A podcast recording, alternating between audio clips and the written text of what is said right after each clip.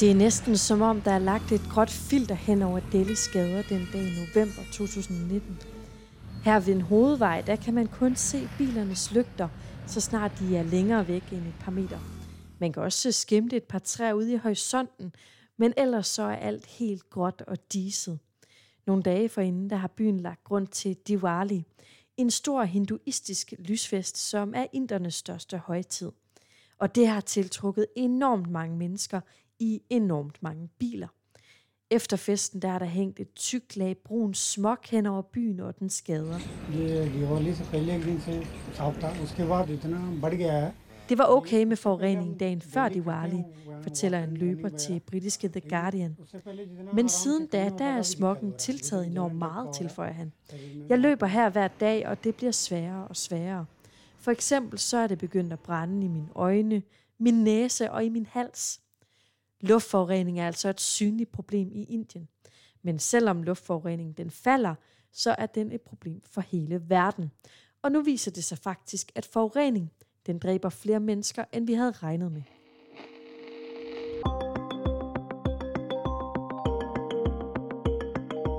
Vi vidste egentlig godt, at luftforurening er et kæmpe stort problem, men nu konkluderer et nyt studie, hvor omfattende det her problem det er, og det peger altså på, at der hvert år dør mere end 8 millioner mennesker på grund af forurenet luft. Luft, som er ødelagt af fossile brændstoffer, som siver ud fra kraftværker og tung trafik, og luft, som du og jeg vi indånder. Men der er også en god nyhed i det her. Luftforurening er nemlig faldet i takt med, at flere lande de kæmper med at få renset luften. Alt det ser vi nærmere på i dagens udsyn.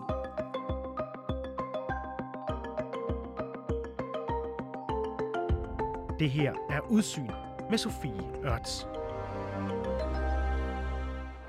Altså, jeg var ikke klar over, at det var så stort et problem i hvert fald. Og jeg var ikke klar over, at det var noget, der slog så mange folk ihjel, før jeg dykkede ned i den her historie. Liv Råhauke Frederiksen er journalist på Verdens Bedste Nyheder.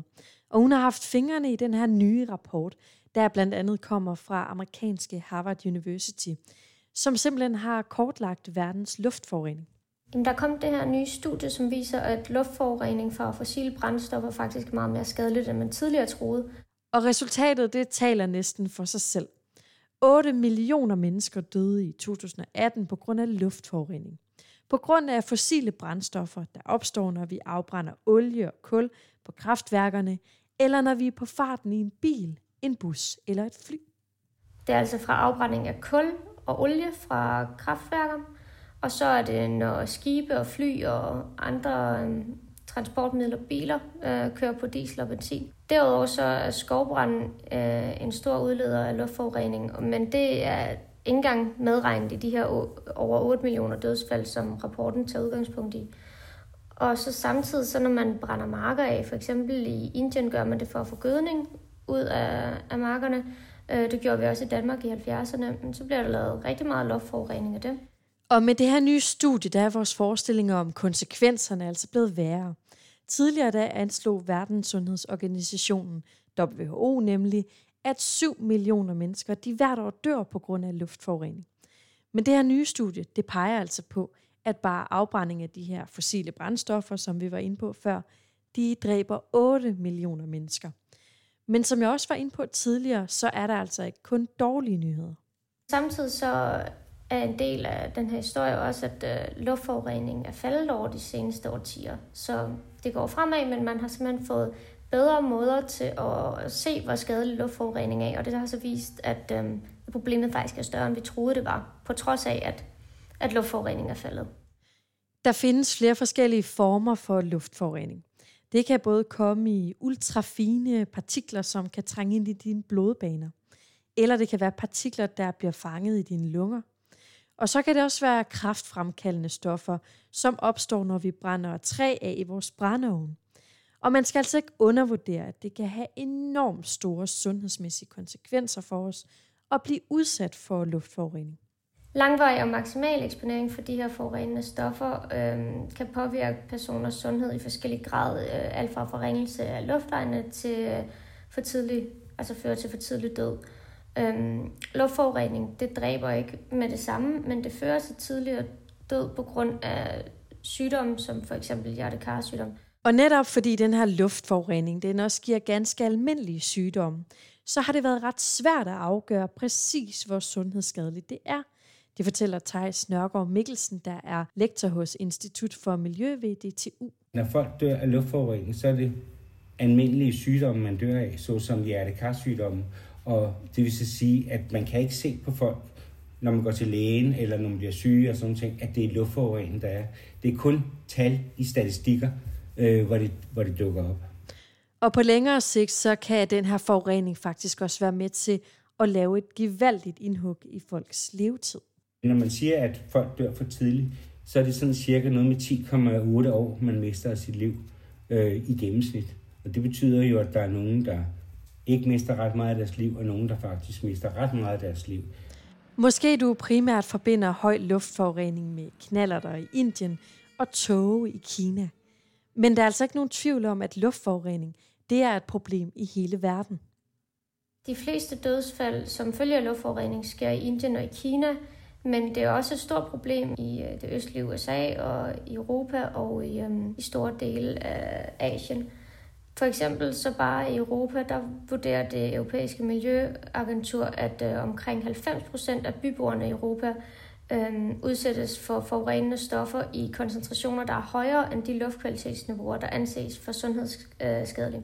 Og her i Danmark, der går vi da heller ikke fri af problemet med luftforurening.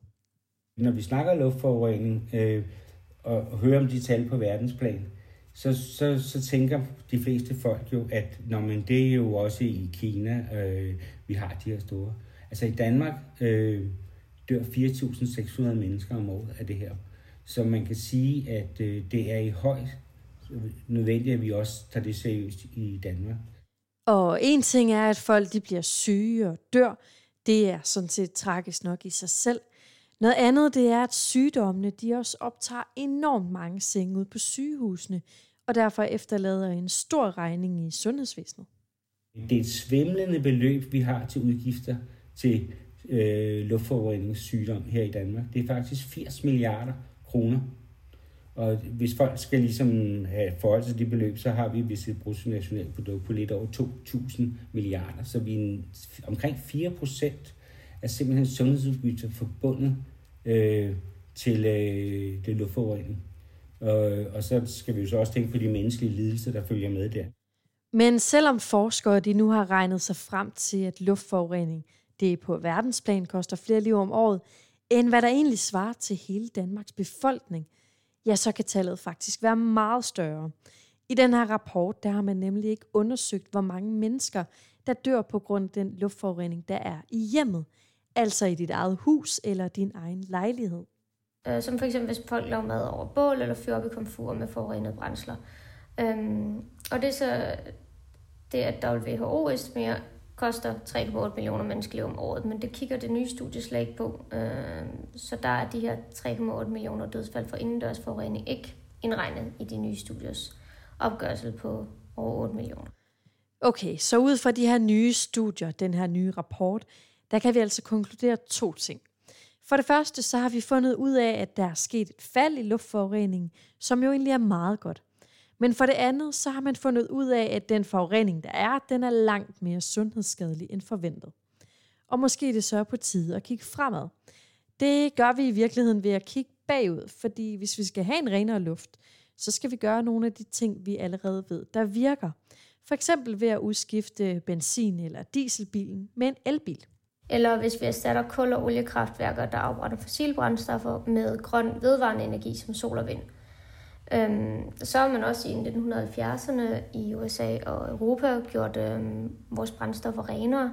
Blandt andet har, vi, øh, har man fjernet svovl fra brændstofferne og installeret øh, katalysatorer på biler, som gør, at der kommer mindre øh, forurenende luft ud.